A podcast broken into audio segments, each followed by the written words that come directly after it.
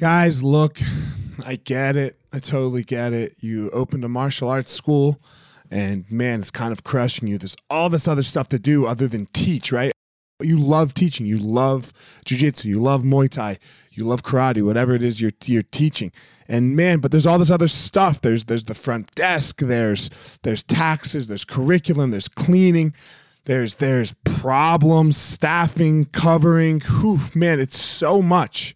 It's so much. Well, let me tell you, uh, we have started what's called Easton Online, and Easton Online is here to solve all of these problems for you. Easton Online is a digital academy for martial arts school owners and managers.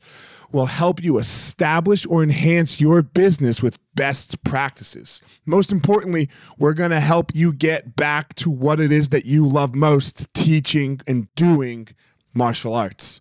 Okay, so for more information, guys, go to easton.online. Again, that's easton.online. Add your email. You're going to get notified about the course launches. Our first course is going to be all about the first impression specialists, your front desk, and all kinds of stuff, special offers, promotions, as well as we started a podcast by the same name, Easton Online, that's gonna talk about our process of how how we went from a tiny little martial arts school to what is now seven martial arts schools, seven Brazilian Jiu Jitsu Muay Thai schools, um, in a very holistic way that we believe um, kept the integrity of the art and also deals with its people very well. So again, Easton.online, enter your email and you're gonna get all you're gonna get everything you need right there. So thanks, guys.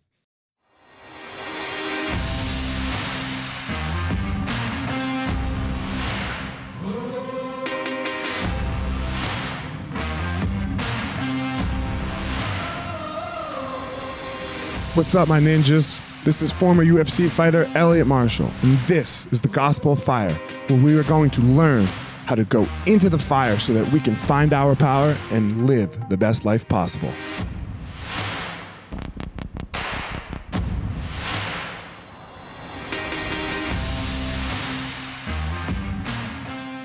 Hi, everyone. This episode of the podcast is with me and Michelle Tillis Lederman. Michelle Tillis Lederman is a best selling author and entrepreneur. She worked a corporate finance job where she was work, making a ton of money and decided that this life wasn't for her. So she quit that and moved on to her whole her whole life that she has created now. And we talk about all about the process of how she did that for herself and what makes her amazing. So I hope you all appreciate the episode. Uh, go give it a subscribe on iTunes, give it a review. I would greatly appreciate that. Uh, good or bad, doesn't matter to me. So uh, thank you all very much, and I hope you enjoy the episode with Michelle Tillis Lederman.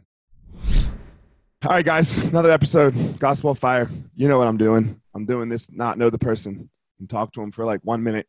Uh, quick little Google search. You know, I, I try I try not to do too much, but I like to find out as much as I can while on the podcast. Uh, I'm here with Michelle Tillis Lederman. How are you, Michelle? I'm great. How are you doing? I'm doing well. Where are you? I'm in South Orange, New Jersey. Oh, right. Dirty Jersey. That's where I grew up. Jersey, baby. As, as the yeah. hour goes by, my hair will dry and it will get bigger and bigger and bigger. can, can, you, can you move your hair so I can see your big earrings? I have none. I have none. Ah, so I, uh, you know, I, I, you know, I grew, I came from the the big hair, big earrings days in Jersey. But I got the nails. So. Yes, yes. All right, so we're gonna. I, have been asking everyone this question uh, since uh, since I started this new route that I'm on with the podcast. Why in the world? Because we were just talking about it a second ago. Like you asked me who my audience is, and we we might not even have the same audience. You know. So why in the world would you come on my meathead looking? I'm a meathead looking, right? Like fighting the UFC, like audience. Why would you come on my podcast? Why would you do this? Because you asked me to. That's it. and actually, it's one of the three reasons people do anything is simply because they're asked. Right. Okay. And if I can reach more people and people that I don't normally reach with um, something that can help make a difference, I'm all in. I I love it. I love it. I you know so many we're so sometimes I think we're afraid like like if you're going to talk to an audience and it might not be yours, and let's say there's a 100 people in there, if 99 ignore you and one loves you and you change their life, is it worth it? Of course. But I'm not gonna. I'm. I'm gonna make them like at least take something. Maybe not a hundred percent of the people, but it's. It. You know.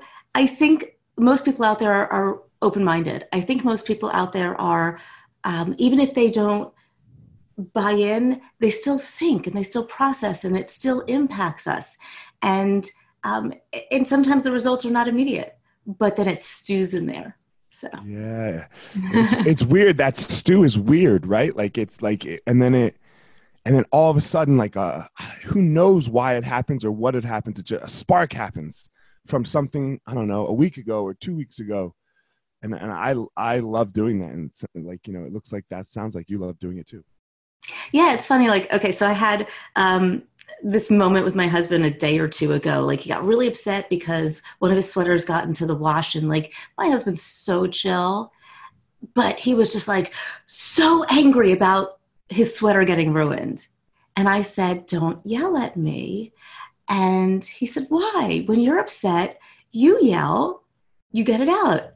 And I thought about it and I had to think about it. And the next day or two days, like last night, he came home and I'm like, I'm sorry I didn't let you yell. I'm like, you were right. yeah. Oh, that's hilarious. Right. But like, here's the thing all those people out there who are thinking, okay, I have those moments where I realize it later. Go back and acknowledge whatever it is you realize to whoever it is that would care, because I got a really good kiss after that.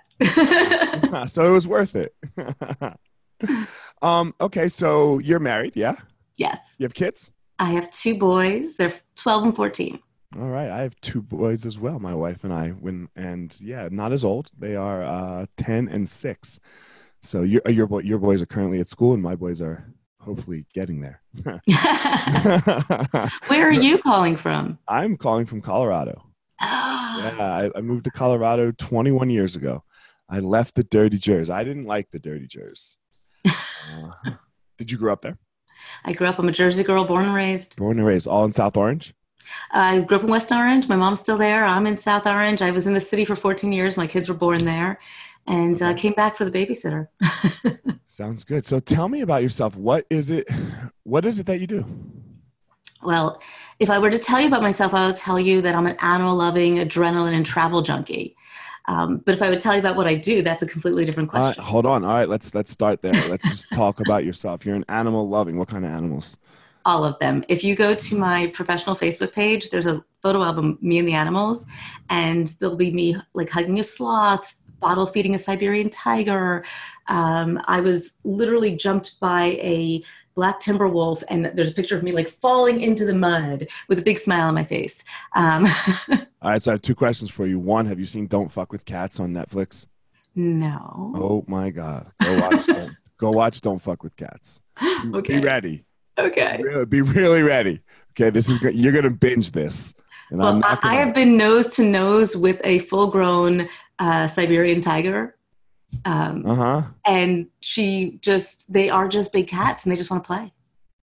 Don't, it's not that kind of don't fuck with cats. I don't want to ruin it for you. Um, and two, are you a vegan or a vegetarian? You're not. not. So you will still eat meat.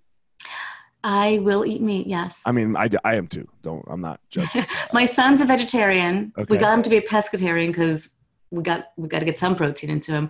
Um, but you know, I just watched this show. Um, what what the health? Have you okay. ever seen that on Netflix? No, no. My dad came and made me watch it. He okay. says, you know, animal proteins are going to give you cancer, and you know, so I do watch. But um, yes, I had chicken for dinner last night. right. Yeah, there's uh there's another documentary called The Game Changers on Netflix, and it's all it's all about uh being going vegan and I mean, it's just. I think hard. we all need to. it just tastes too fucking good, you know. Like I, I don't, uh, I don't know what kind of chicken you had, but fried chicken is fucking amazing. You know, I'm like I'm picky to begin with. Don't like take away the food, few foods that I eat. we're gonna die. You know, this is the only guarantee. Do you? I mean, look, it was really sad. Kobe died this weekend, or you know, uh, I don't know when this is gonna come out. So Kobe died, right? He wasn't like, "Fuck, man, I shouldn't. I should have had more, more. You know, I shouldn't have eaten that fucking steak." Yeah. You know, now look, I know we all want to live longer, so there's got to be a balance. We need to eat plants, but you know, uh, meat is. Very, I, I like meat too. um, you said you're an adrenaline junkie. How? What kind of? adre- What, what do you mean? What is? What? What do you, what do you do for your adrenaline? I didn't know I was until my husband told me I was when I made him jump out of a plane on our honeymoon. Okay. And I tried to convince him to rappel into the jungle and, and hike out. And he wouldn't do that one with me, but I did get him to cave, um, like cave tube with bats about this far from our face. And uh, like, you, you know, I've swam with sharks. I go But what do you mean you diving didn't know you were? When did you? I mean, when was your honeymoon? 15 years ago. Okay, so and how old are you now? You're not supposed to ask a woman that old. Ah, come on, girl. I am 48. You're 48. So th- when you were 33, you look very good for 48. Thank you. Yeah. So so th- when you were 33, you found out you were an adrenaline junkie. So like before 33, there was nothing. Um, I was probably like my husband and I got married at 32, and we started dating like about a year and a half before that. So somewhere after I was 30, and I was doing all these things, he was just like, "What are you fucking nuts?" Man, that's a thing. Like so, that's a. Uh, I'm gonna go to your personal life a little bit if that's okay. 32, 33 years old. Th- you're like 30 before you even meet your husband, right? Like. I met him when I was 29. okay, that's a that's a little bit of a long time to go. You know, for especially uh, females normally get married younger, you know, than males do. It Um, depends on where you're from, right? So I'm East Coast, New York, New Jersey area. 30 is like around the time that you get married around here. I guess I left when I was 18, so I don't know. Yeah. Yeah, True. yeah, no. I mean, to get married in your tw- like late twenties, maybe like twenty eight up, Yeah. but you know, yeah. you, gotta wait for, you gotta wait for the right guy or girl. What did you do? What yeah, what did you do in your in your 20s? Like you must, you know, you were obviously doing something. I mean, I'm not talking about like you're partying or anything like that, but like like so I mean, you have these books behind you and Yeah, so I mean, so you this brings us back to the other question. So I'm a Right. recovering CPA. Uh, so in my twenties, I was in finance. you like that, huh? Oh yeah, because my CPA just fucking quit. because it's not, you know, the most um, passionate of careers. It- you know, here's the thing a lot of times we make decisions about what we're good at, or we make decisions because of a lifestyle that we want. But we don't necessarily make decisions over what is fulfilling or what is our passion. And I was just like everybody else. I am photographic for numbers. Apparently, I'm highly analytical because every review I ever had when I was in corporate America told me I was, which I didn't even know what that meant. And uh, you know, so I was really good at this. And so I said, okay, well, this will give me the financial security I never had. That's the lifestyle I want. I want that power suit, that corner office. I want, you know, I want that all. I got it. I had a corner office looking out at the New York Stock Exchange. I spent 10 years in finance. I was the only woman on the trading floor. I was the only woman on a global venture capital team. Uh, you know, me too. It was like every freaking day. Um, so that was just life. Uh, but it just, something was always missing. And it felt like I got that corner office and I got where I wanted to get. And then I was like, I don't want to be here. um, and what I realized, and so my transition began around 2001 while I was working for the bank. And I, my boss became the CEO of the Tokyo branch, and he said, um, you know, help me transition this team. So I went out to Japan. I, I hired a coach, paid her a buttload of money, and I did everything she did and then some. And I was really good at it. And so I said to the CEO at the end of the week, I said, I can do that. And he said, okay, you still have to do all this. I said, okay. And that's how it started.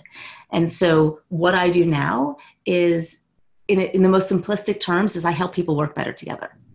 I help people communicate to connect because everything that we're trying to accomplish is going to get there faster, easier, and better with connection, with relationships. And that's what the connector's advantage is. I got you. I 100% believe in what you just said. I think every business is the people business. Yeah. There's and no it's not even just business. There is, if you want to be happier, if you want to be healthier, there is correlations between um, connection and mortality. Social isolation has a greater impact on your mortality than obesity. we're social be- we're social beings.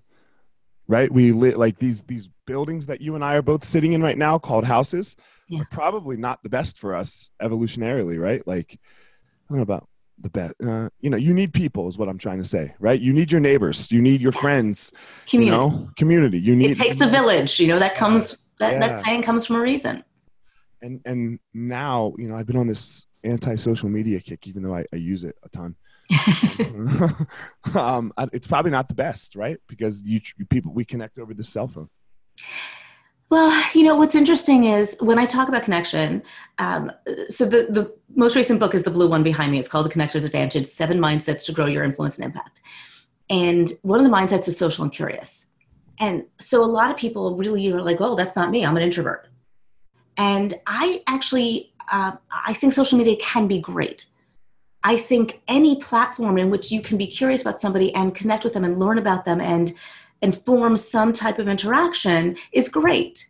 And I think the more channels that you do that over, the stronger that re- that interaction becomes. I think you reached out to me on either through my website or on LinkedIn or something like that, and and now we're on the phone, and then we'll email later, and so we'll have I'll, I'll multiple be I'll be honest, it wasn't me that reached out. I hired a company, but I approved it. you know, so uh, I approved I approved the reach out, but it wasn't personally me. That's okay Yeah. because we're connecting now, and Yeah. then this conversation will lead to another point of contact. And so, social media um, can suck up all your time, and I, I don't think it should be your only channel of connection, but I think it should definitely be one of the channels. And it doesn't have to be all of them. Like you don't have to be on Insta and Facebook and LinkedIn and Twitter and like, you know, have a life. Yeah, no, for sure. So what was your what was the so you do the Japan thing, right? And and, and you get like this taste. Yeah. Um, and you were married or were not not married? Not, not I was not married at that time. okay. time. And so what was that transition like for you? Scary, not scary? How how did you I mean if you've got this I mean you've got this corner office, like you said, you know, I don't know, maybe maybe you have a sweet Benz or I don't know, BMW because you know on the Yeah, I was living in the city. There was no car. I, I'm just saying on the, on the East Coast, it's Benzes and BMWs. On the oh, oh, out here in Colorado, it's Audis. and the you Prius. know? Right. Yeah, no, no, I'm saying like the status car, Uh, got it. right? Like uh, you know the cars, like the nicer end car that people drive. Um, so um, it, you know it was a it was a slow transition and and that's what i would tell people who are thinking that they're listening and they're like i feel stuck i don't want to do this anymore um, it- it's not like you have to flip a switch it's not like you have to say okay i quit i didn't do that.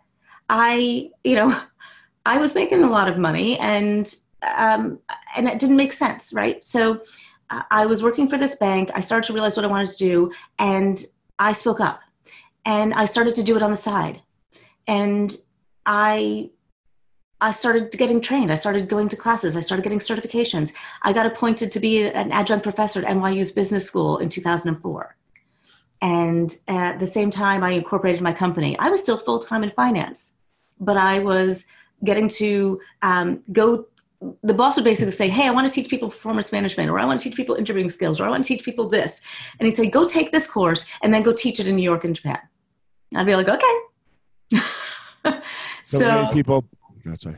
go ahead No, you go finish. So I was just saying, so um, it was like these stepping stones, and I did that. So I started the transition in 2001. 2004, I incorporated. I landed my first client, which was JP Morgan. I landed my second client, which was Deutsche Bank, because I was in the industry and it was really easy access to some of these yeah, yeah. names. And then once you can drop one name, you can drop three names. And, and then people are like, well, if you're working with them, we want to work with you. right, right. Um, and so by 2005, at this point, I am married and I'm actually pregnant with my first child. I have been on my own ever since.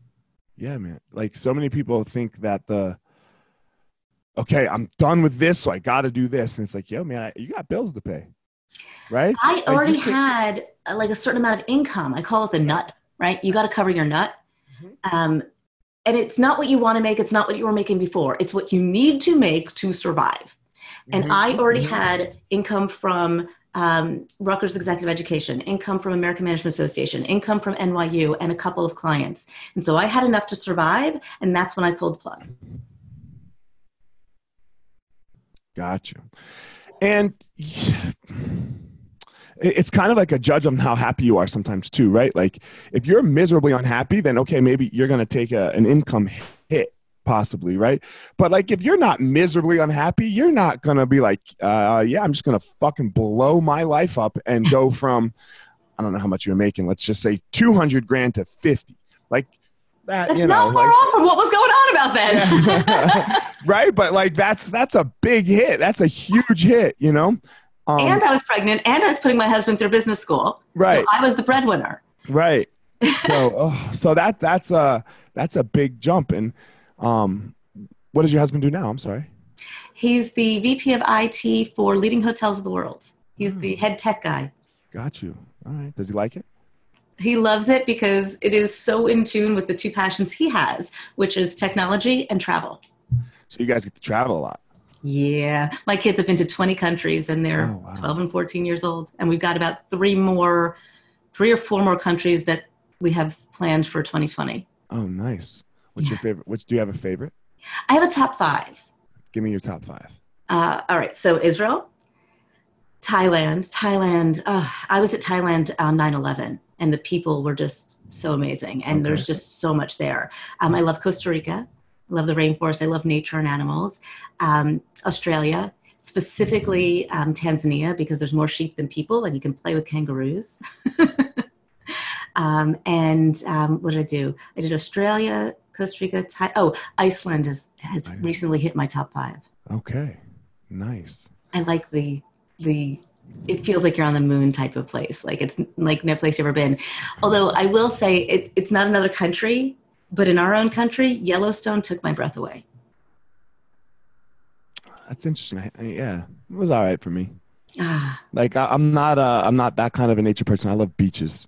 then go to Thailand. Yeah. So it's super interesting. So for me, I've traveled a lot too, but I've traveled for fighting, right? So uh, really intense short trips, right? Like so I've you know, and and almost all of the trip gets judged on the the result of said fight, whether it be Mhm. mine or my friends.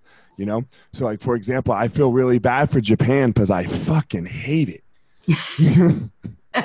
like I hate it. We like like I only remember I remember good ramen. Like there was this one ramen place right around from our hotel, and then everything else I remember is not fun. Okay, so I want to play a little game with you. Yeah, let's do it. So this over there, the Eleven Laws of Likability, is my first book. Okay. And the first chapter I wrote in that book is the law of energy and that Okay. energy is contagious and to understand energy and how to shift our energy. So you have an association with Japan because of you know something that happened and you have this energy around it. Right. Um, so there's a couple of things that we can do. And and so one of the things I'll tell you a story and then we can think about how to apply this to your association with Japan. I was um, with the career services department of some university trying to land them as a client and we're having this great conversation and all the energy's there and, the, and, and all of this is happening and then all of a sudden we're 10 minutes before the end of the meeting and all of this is happening and i was like ooh what did i do? What, did just i happened? say? What just happened? yeah so, so, so i asked and i was like is everything okay? And she's like oh yeah yeah yeah it's not you. It's the student coming in after you. Can't stand them and i was like oh okay well phew not me. Uh, and i said well you know why? And she said oh you know shoots down every idea is really negative um, just not getting anywhere with them. And i was like okay can you tell me about a student you love working with and she said, Oh, yeah, there's this woman, and, and we collaborate, we brainstorm, we exchange, and, and she implements, and I've seen the difference. And I was like, Okay, I want you to try this. When the student you can't stand comes in, I want you to think about the student that you love. I want you to greet that student as if it's the one you can't wait to work with. I want you to have all of the energy that you would have given to that other student and just see what happens. That's it. My phone rang about two hours later no hello. No hi michelle. It's it's so and so from so and so it was just oh my god that worked. And so this is the idea of um, invoking real emotion. If you can think about something right that ramen that you know like something So, amazing it was so good. Once I found it, I went every day. right? So if you can invoke how you felt in that moment and then start to shift your energy around that association of oh my god it was like all my taste buds were firing and it gave me all this great energy. Or it was so relaxing to sit there in this quiet place and just have noodles every day. And then you have this quiet energy and you start to change the associations because you're finding real emotion and attributing it. Okay. It's hard. It's it's so hard with fighting uh, because you know, my my friend ended up getting his head split open fight, right? So like, I mean, he's got a, like, if I see him, he's got the scar still running down his face from like that trip. So it gets like you're like, oh damn, you know, like. So I'm gonna try it though. Yeah, you know, I'm gonna try it. I'm one of those people, and, and I'm not a Pollyanna, right? So I had I haven't had the easiest life. Like it was a challenging upbringing. Um, you know, many people had it worse, but it doesn't mean whatever we had wasn't easy. Um, and I had this philosophy of what can I learn, right? So, um, you had that from a young age. Yeah. How'd you? What do you? Where do you think that came from? That's um, so hard as a child. My parents split when I was eight. Okay. And it was probably like one of the ugliest divorces, War of the Roses level. They still can't be in the same room. It's it's so it was so awful. Forty years later, they can't be in the same room.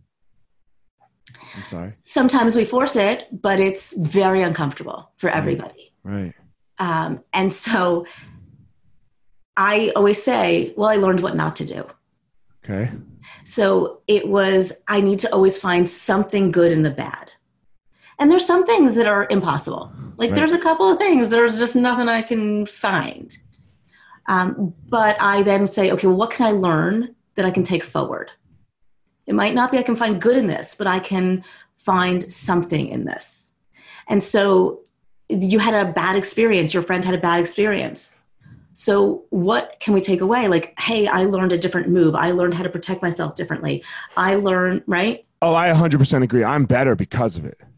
Yeah. No, no, no, for sure. I'm I'm not mad. Like, um, so I'm kind of a I'm a stoic, right? I, I call myself a, a stoic Buddhist, kind of because I don't believe in like the religion of I, I don't believe in like the religion of anything, uh, but the philosophies of specific religions I will believe, um, or I will not believe, but just take into my life.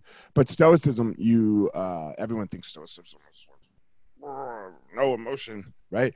Stoicism says to feel all of the emotion. It's the exact opposite it just says that you take what you need from it kind of right like um, mm. and, and and be grateful for it right? Like, so I'm grateful for my Japan experience, right? Like, I. So then you don't hate Japan. You've I, like you've already started to shift your association with it. Yes, of course, of course, and I know it was good for me, and it was probably good for my friend, and even though his face is split open, right? Like, um, like so I, I don't hate. You know, I. I, I guess hate is the wrong word, right? Like I, I did not enjoy the trip while I was on it, mm. you know, but uh, I regret no experience of my life. I love that. You know, because okay. I, I can work with that. if, if it if you regret the experience and you wish it was different, then who knows what would be different? Well, what you know, we're talking about a concept about reframing, reframing right. how we look at something, right? Right. And we can look at it as so. What you were talking about was in the moment. Yeah, in the moment. In right? the moment. Yeah, yeah, yeah. Yeah, in the moment. Because oh man, I mean, if we're gonna if we're gonna rehash it, like, um, like it was it was just not fun. So my friend, he weighs 200 pounds normally, right around there, and he had to weigh 155 for this fight. So he like, I mean, when we it was so brutal, and yeah, it's what we do as fighters. Mm. It's crazy, right? No, not you much. no, so like, I mean, we would like, he could barely eat at the end, you know. Mm. So we would like put him in the room, and uh and try to sneak out so that we could go eat because we're there on Tuesday, man. We're there on Tuesday for a Saturday fight. I'm not going to not eat for four days. Yeah. Right. Like I know he is, but I'm not. So we'd like try to run out and sneak away. And then like he'd hear us and he'd be like, where you guys going? And we're like, uh, we're going to go eat, man. He's like, oh, I'm going to come. And then he would sit there and like he'd get right up in our faces and be like, how's that fucking taste? or, he'd be like, order more food, motherfucker. Order more food. Go order more fucking food. And you're like, okay, dude, okay, I'm, I'll go order more food, right? Like, so this whole experience was fucking terrible. and then I had to rehydrate him, right? Because uh, IVs work really well. I, But I'm not a nurse, right? And I had never done it before. okay, I'm squeamish. I don't like this. oh, get ready. No, no, I don't want to know. It's coming. No, it's coming. So my wife taught me how to do it because she is a nurse, Uh-huh. right? So I have my friends over like the week before, and I'm learning how to uh, like you know start an IV on people, and so I'm like, okay, I got it, and I have it all written down because I'm in Japan. I can't call her, right? Because like it's fucking time difference, right? I'm all over. So I learn how to do it, and then I go and I'm doing everything right, but then I fuck up one thing. I don't take the tourniquet off. So right, like it's just coming out the blood. I'm like, oh god, oh god, he's gonna die. Like, and I'm just losing it. And uh, so it was just, it was, uh, it was a fun. But I, but man, I'm so much better at IVs now. okay, we need a new topic. All right, new topic, new topic. um, so yeah, I don't regret any of it. You know, I don't regret any of it. I'm uh, so, um, That's but that actually is, I was going to say that's actually my philosophy around jobs, right? Because I spent 10 years in a career that I didn't love, but I don't regret it because I have credibility in being in front of an audience now, teaching them management and leadership because I was managing people at the age of 22 because they're idiots and they made me a manager at the age of 22, right? And so everything that I did, I learned something that I can tell a story in front of a thousand people now that teaches them something about how they can lead and how they can communicate and how they can build a team and how they can connect to those people. do you use stories a lot when you teach? Oh, yeah. So you asked me before about the transition. Mhm. And I I teach communications, leadership, management, like all of those soft skills that I say are really hard. But I came out of finance. And so when I went to the American Management Association, where I had taken a lot of courses to learn content, I went up to them and I said, Hey, I am a communications trainer and I want to train for you. I said, Let me see your resume. They look at my resume. They said, No, you're a finance trainer. I said, Okay, hi, I'm a finance trainer. I want to train for you. and they said, Okay. So that's what I mean by stepping stones. I couldn't like convince them that I was a communications trainer because my entire history of work was in finance. So I taught finance until I proved to them I was great in front of an audience and knew how to teach. And then they let me teach communications. Right. But you asked me about storytelling. So do you know anything about accounting? Uh, you know, I look at my books every month for my businesses. Okay. So there are some principles of accounting like um, materiality or going concern or objectivity. Yeah, There's no, like these. Okay, so these are these principles of accounting. And when people come to this class to take accounting, they're usually prisoners. They're usually forced to be there. They don't want to be there. It was called um, finance accounting for non financial managers. So people who don't like math and numbers were in this room having to learn something that they dreaded.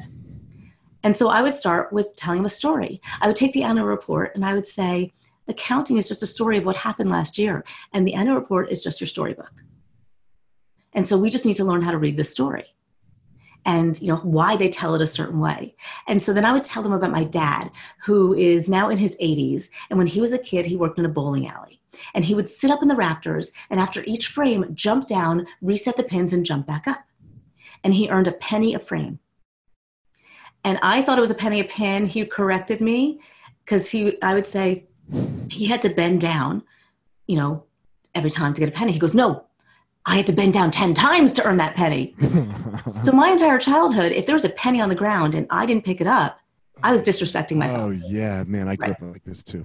Okay, so you get it. I grew up with a Holocaust surviving Jews. yeah. Oh yeah. Same in my family. So Are you a Jew? I am member of the Oh, tribe. You can't tell from this hair? Uh, well, you know, you never want to assume, but you know, le- uh, you know, Lederman, you know, like. Yeah. Lederman is a leather man. Yeah, I know. Yeah. Yeah, yeah. Uh, Tillis is a Lithuanian root, so we're the Eastern European Jews. Okay.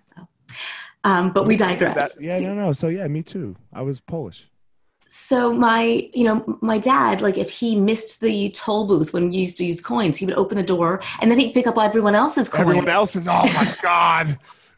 right okay so we had the same dad all right Uh, I tell- grandfather, grandfather for me.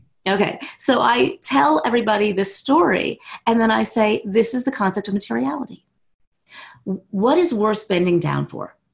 So now i, I tell my dad i'm telling the story in accounting this 10 15 years ago and and I say, you know, um, that you know you make me he's like ah you know a penny. I'm like well dad would you bend for a nickel now? He's like mm. would you bend for a dime? He's like mm. would you bend for a quarter? Yes i'll still bend for a quarter and that was his materiality threshold. So he and i'm like really? So i've been picking up disgusting dirty pennies my whole life to show you respect and now you won't do it. I st- yeah, you still do it, right? right? I still do it. And he looks at me he's like inflation. So I tell this story to the audience to teach them the concept of materiality and what a materiality threshold is. I said, Would you lend somebody a dollar and worry about getting it back? No. Five bucks, 10 bucks, 20 bucks, 100 bucks? What's your materiality threshold? At what point do you care? And that's all it is. And so at the end of the, the day, I'll say, All right, bowling alley story, materiality, Giants jacket, objectivity, buying a new car, depreciate, like, like, and they learn the concepts through storytelling. And that's, that's how we we learn. Well that's how we live. Yeah. Right? That's how we live is through storytelling. That's why we're all here so we can tell a story and so now everybody who's listening knows the concept of materiality. And basically what amount for you affects your decision making and a materiality threshold. Yeah. I, I didn't know either one of them four or five minutes ago. But that you know but you did it. It was so uh it was yeah it's it's about your dad and you and and this this thing that you have. It's about this connection and communication with people. So like goes back to that what i said a little earlier ago when we were talking about everything's the people business right? Well like absolutely. That's that's exactly my platform. That's everything i teach and i talk about is understanding that whatever it is you're trying to accomplish i'm going to say it again faster easier better faster easier better. That's the advantage. Um, so if you think about getting a new job 85% of jobs come from networking Right. Promotions, 70% more likely if you have an active, active mentor relationship. You want to get a sale, people do business with people they like. And you're four times more likely to buy when you're referred by a friend. 100%. Right? Like whatever it is, I will give you a statistic because that photographic thing Look, for numbers I, is still there. I, know, I know it. I have a martial arts business, right? And we, I mean, don't you know we spend money on advertising, right? Like you have to. You you can't not. But all of our um, like the the vast majority of our leads come from somebody else that's already there. Yeah. Because we trust each other. Right? It's relationship based business building, it's referral based business, right? It, it's the law of association. I like, I trust this guy, this guy trusts you, therefore I will trust you. I will trust you. Yep, yep. You So you've been talking about communication as well. I just read this book, uh, Nonviolent Communication. Have you ever read it? I have heard of it, but I have not read it. Man, it was really good. I really enjoyed it. And it, it's helped me communicate better. Tell me something you learned. Uh, tell me something. See, I like to reverse the interview process. Yeah, yeah, no, it's okay. I don't really like to interview people. I just like to talk to people. Has this felt like an interview? No, we're just chatting. All right. All right. Fuck. Thank God. nobody, nobody likes to sit here. I mean, if I was going to interview you, I'd have a sheet of paper. Michelle Tillis Lederman, do you? It's fucking stupid. Right? Like, uh, so what did I learn from nonviolent communication? The biggest thing that I learned is that um, everything comes down to feelings and needs. Um, so when we are having a communication problem, you are feeling a certain way because you have a need that is not getting met. Hmm. And if I can speak to you in that sense, like, um, oh man, that I'm really sorry that you are feeling insecure, even though you lashed out in some way you know? So uh, how can i help you meet your need for security to feel safe? You know? Okay. Like and, and and going about it that way. And it's really helped me especially like with my wife. Look i'm a big guy right? And um most people talk to me in a way like there might be a fight because they know i fight right? Mm-hmm. especially males like other males you know? It's like okay i can use these words but i can't use those words. If i'm mad at him i can bub up right? Like they can they have to walk through it in a certain way. Mm-hmm. and i'm the boss right? So they have to you know people are scared of that. But with my wife how bad i can beat the shit out of people doesn't fucking matter at all right? Like i like it's not even on the table right? She's not thinking about what if I call him a fucking asshole, he's going to kick me in the head, right? Like that's that's not even not going to happen. It's not going to happen, right? So I have to communicate with her in a way that is all that like I can like hear her, you know, and she can try to hear me. And then when the person doesn't hear you, like um, the other really good thing I, I, I, I that I learned was after you say what you need, right? Like, hey, I, I if, if when you state your need, you Mhm. repeat and say, hey, can you please tell me what you heard? This is a technique actually used by industrial psychologists and marriage counselors. Yeah. And what I often tell people if they're working on listening skills is give yourself the job of being able to paraphrase and repeat back and acknowledge what somebody else has said before you're allowed. Because otherwise, you're thinking about what's my counter argument Right. and what am I going to say. And it's actually a technique I teach called acknowledge and add. Right? Because a lot of times we disagree and counter, or we um, agree and counter. But if we're going to counter, we're not really agreeing and it, it's confusing. Mhm. So I say acknowledge and add. So if somebody says something you, you probably don't agree with, you can say, well, that's a really interesting point. I hadn't thought about that. Here's how I was thinking. Right. I don't discount, discredit, or dismiss anything that you've said. My friend, just- my, my yeah. friend's got me to do that. He goes, that's a very interesting perspective. That's what he said.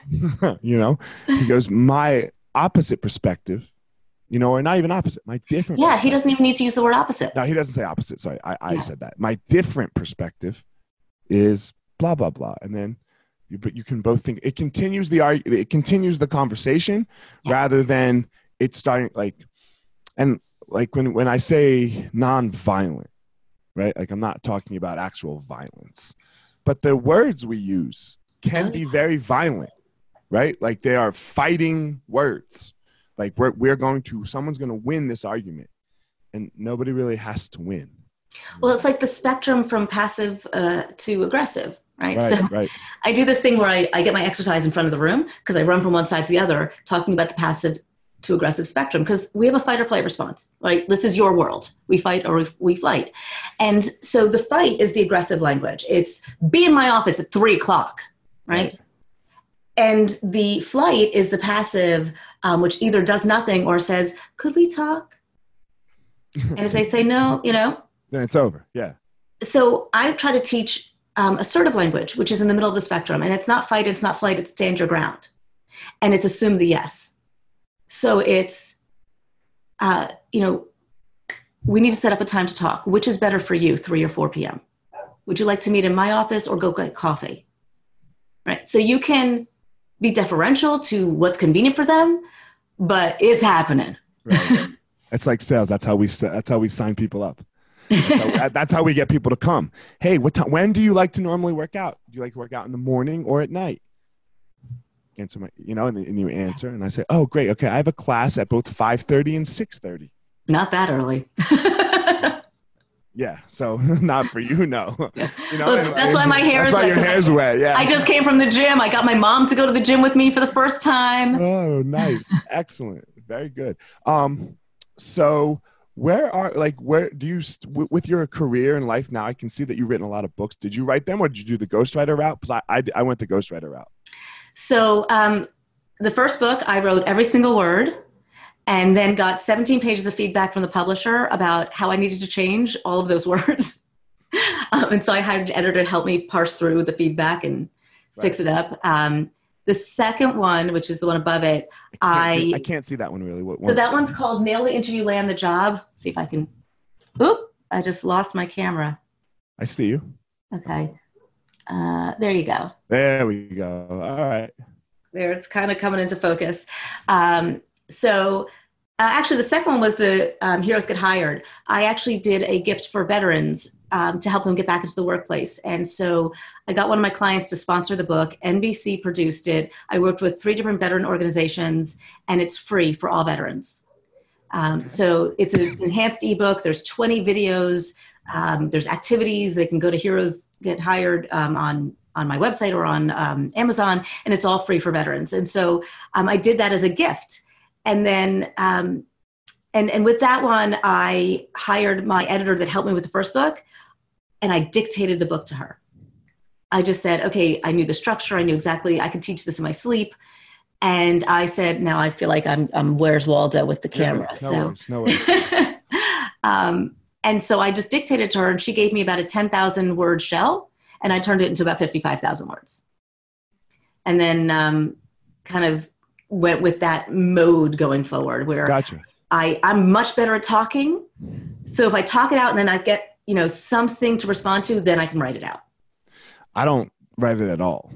I just talk. I just talk it, and they're all my words. Like my book is hundred percent. It's not. There's not even a word in there that I didn't speak. But I, I, I just I do the talking thing way better. It was Yeah. seven. Yeah, it was seven, like 70, 80 hours on the phone or some shit. Yeah. I, I love We it. would record them and then we'd transcribe them and then I would respond to them. Yeah, I loved it. She like the the lady who wrote my book. Like we're friends. Like Yeah. you you know, I, I I absolutely loved it. So I would say I wrote all four of them, but I definitely hired editors, um, you know, to to yeah. give me yeah. feedback and to give me help along the way. Did you go the self publishing route, or did you go, or did you like get So? I've published all four books four different ways. Okay. I actually have done a webinar on different ways to publish a book. So the first one was traditional. I had the agent, had the advanced, all traditional. The second one was a sponsor because I got somebody to put up money to help us give this gift. Um, the third one I did a self-published route, and the fourth one I did uh, hybrid publishing. What's hybrid? So hybrid is a mix between um, the traditional and the self, like kind of the benefits of both. So it is an actual publisher. Um, I do get royalties, um, but I only get the royalties on um, bookstore sales, Amazon sales, foreign rights, and audio. Anything that's an ebook or bulk sales come directly to me. And so um, the royalty is much higher. Um, there was no advance. I have a lot more control over the styling, the cover, the everything. So obviously, your first book, you went the traditional publishing route and got the advance and all of that stuff, right? Like, what did did you enjoy that process, or what was that process like? it was the right process at the at that time. And how did you make that happen? Because like your first book, and you, uh, I don't know what year was that. 2011 it came out, so I got the offer in 2008. Okay, so you got the offer in eight. So you had you were still pretty much new in your field, like you weren't like super established. I had a decent business going, but it wasn't. I wasn't doing keynotes or anything like that. I was just having my training company. Right. What did your wasn't- email? yeah. Why why would they why would the publisher do that? I guess is my question. So you have to think also about 2008. Self-publishing wasn't as easily accessible. right. Um, I did have an offer from a uh, what did they call it back then? Um, it was it was kind of a form of hybrid, but I think they called it a vanity press or something like that, where you could pay. And I was like, I don't want to do that. Um, I So that's the route. That's the route I just I did uh, last year, two years ago. Well, it's different now. I would Yeah. call it hybrid now. Okay. um, and and and so the the publishing industry has really evolved in the last you know 12 years like if you think about the access to to being able to self-publish and to do all these things yourself and um, back then it didn't exist and i it did but it just not at the quality level that you could do it now right. and so um, you say, how do you get things done? Everything you get done, you get done through relationships. So uh, I, um, I put a little post on um, Editor Freelance Association saying uh, that I wanted to uh, work on a proposal. I'm like, I want to write a book, not a proposal. So I wanted somebody to help me with the proposal. I knew I needed to do that. And I had some friends that wrote books and they kind of gave me advice. And I went to the library and I bought the Publishing for Dummies and all that stuff. And so I hired a guy. And then he introduced me to a bunch of agents. And then I landed an agent. And I was already working for the American Management Association. So I went to their publishing arm and I just introduced myself. I walked upstairs and said, Hi. and I built a relationship. And then my agent got me offers from McGraw Hill and Adams Media and, and actually higher offers. But I had already had a relationship with Amacom. And so I went back to the, the connection point that I knew. Best decision I ever made to go with a small business book publisher because I became a lead book. They put me on TV, they put me on the radio, they gave me a tour, they, you know, they put money behind the book. Made a relationship. Yeah. And this book is now in like a dozen languages. Nice. I'm going. I'm right. I'm in the process of writing another one, and we're in this like agent process. You know, like finding a good agent, and like the team that I'm working with. I'm like, look, just get me in the fucking room. You know, just get me in the room. And and like I can't say I'm doing a lot of work because like I I mean, look if it happens, great. I have I have a great, in my opinion, in in in theirs, I have a great book in my head. You know, and and and um, but I'm like, just get me in the room with somebody. Let me make the So- relationship. Why traditional? What's that? Why going traditional if you've already done the hybrid route? Uh, because I don't want to spend the money again. I didn't make any money on the first book. I got my ROI for what I decided what what I decided was going to be my ROI. Right, like so, I am well paid back Right. emotionally. The way we are paid for our books is not always through the book sale. right. But Right? I don't want to. do I, I'm not a writer. I'm not a writer. Like so, I hired this company called Scribe. You know, and uh, they used to be book in a box, right? and uh, so I worked with them, and then my the lead guy, like the the the, the guy who worked on my book, he con he he was leaving Scribe, and he contacted me. He's like, "Yo, man."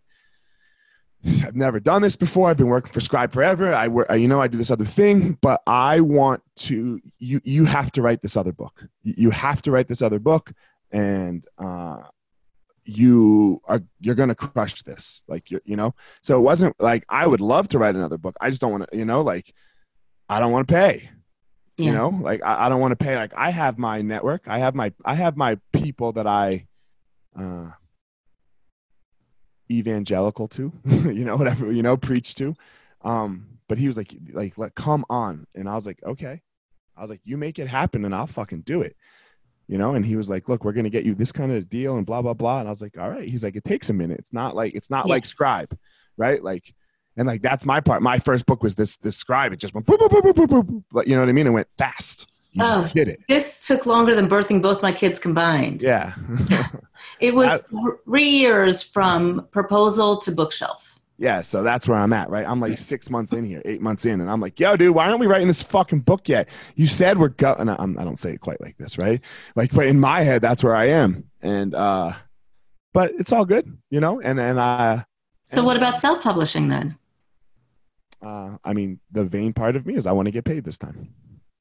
Well, I- mean, you can get, you actually get the most um, revenue from self publishing. You could, you could put together a self published book for about 10 grand. Yeah, I'm, I'm gonna. Um, I, I know the advance that I'm going to accept, and if you get me in the room with somebody, I'm going to get that advance.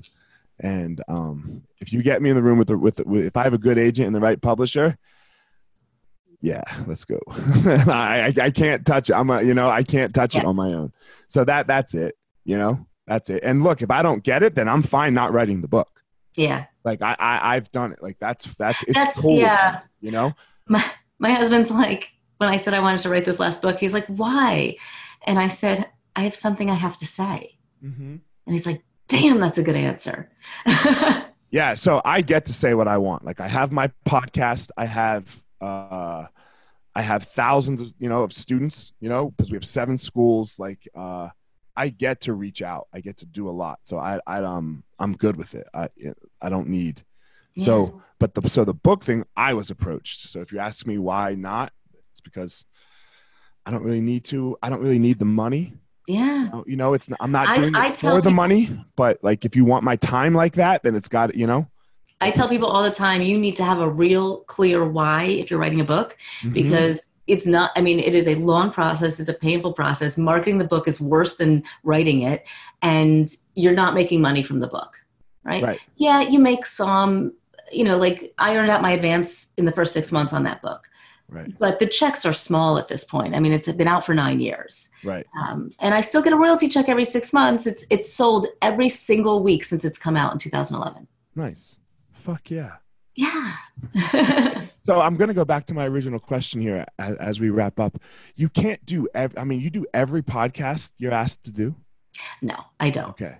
um, I, I I did think you were kind of interesting. Okay. Um, and and you know it's it's about timing, right? So um, you know I accept a lot of podcasts around promoting the new book. Okay. So, you know, this matters to me. This work matters to me. Um, helping people understand how um, and why connection is important. And and so, if I have an audience that I wouldn't normally have access to, to be able to give some ideas and give some thoughts and have them do that little stewing thing we talked about earlier, then I'm going to take it. And then I go in phases. Like you're literally one, two, three, four. This is the sixth one this week. I have two more tomorrow Okay. um, you know, one is like in a studio and and and you know, so this is a busy week for them. And then I'll be like, yeah, I got to say no for a while because I'm like Right. tapped out. Right. Sure, sure. No, I get it. We were, I think we were scheduled a week ago. Yes, I, as you can probably still hear from the cough, I'm getting over a respiratory infection, and I was. This is about two and a half weeks in, and I still sound a little. Uh, Yeah, no, now you sound fine. Uh, you, good. you wouldn't have wanted me about a week ago because No, no, I get not it. pretty. I get it. My the, the flu this year, whatever the cold this is, it's been terrible. Yeah. Um, well, I do appreciate it, and I do really enjoy talking to people. It's my, I don't know, it's my it's my favorite thing. Pro- probably outside of jujitsu, you know, outside outside of training martial arts and maybe cooking barbecue. Uh, it's up there with that. It's it's my favorite thing to do. You know, is, is like kind of what you're talking about. Find that connection, right? yeah, You know, can it we was just a find? fun conversation. Yeah, I hope, good. I'm glad it didn't feel like an interview. um, Michelle, tell the people where they can reach you. Uh, the best place is actually my website. It's Okay. Michelle with two L's, Tillis, T I L L I S, Lederman, L E D E R M A N dot com. And from there, you can find all the other places. I My favorite social media is LinkedIn. I'm on a lot of the other ones, but LinkedIn is really the place for me. Um, I have a YouTube channel, I've got a blog, and I give lots of free stuff away because I think it matters. Um, so you can get a free chapter of probably three of these books behind me um, right on my website. And if you put in slash gift pack, you'll see all the other things I give away. Well, thanks for coming on, Michelle. I really appreciate it. Thanks for having me. I hope everyone goes out there and uh, finds your power, guys. All right, everyone. Thanks for listening to this episode of The Gospel of Fire. If you enjoyed the episode, I'd love a review on iTunes or wherever you are listening to this podcast. Don't forget to follow me on social media at Fire Marshal 205. If you are a BJJ enthusiast, check out my YouTube channel. I put all kinds of instructional DVD uh, videos out on there, so go check it out. My book is still out on Amazon by the same name as the podcast, The, the Gospel of Fire. So if you are interested, go check out that.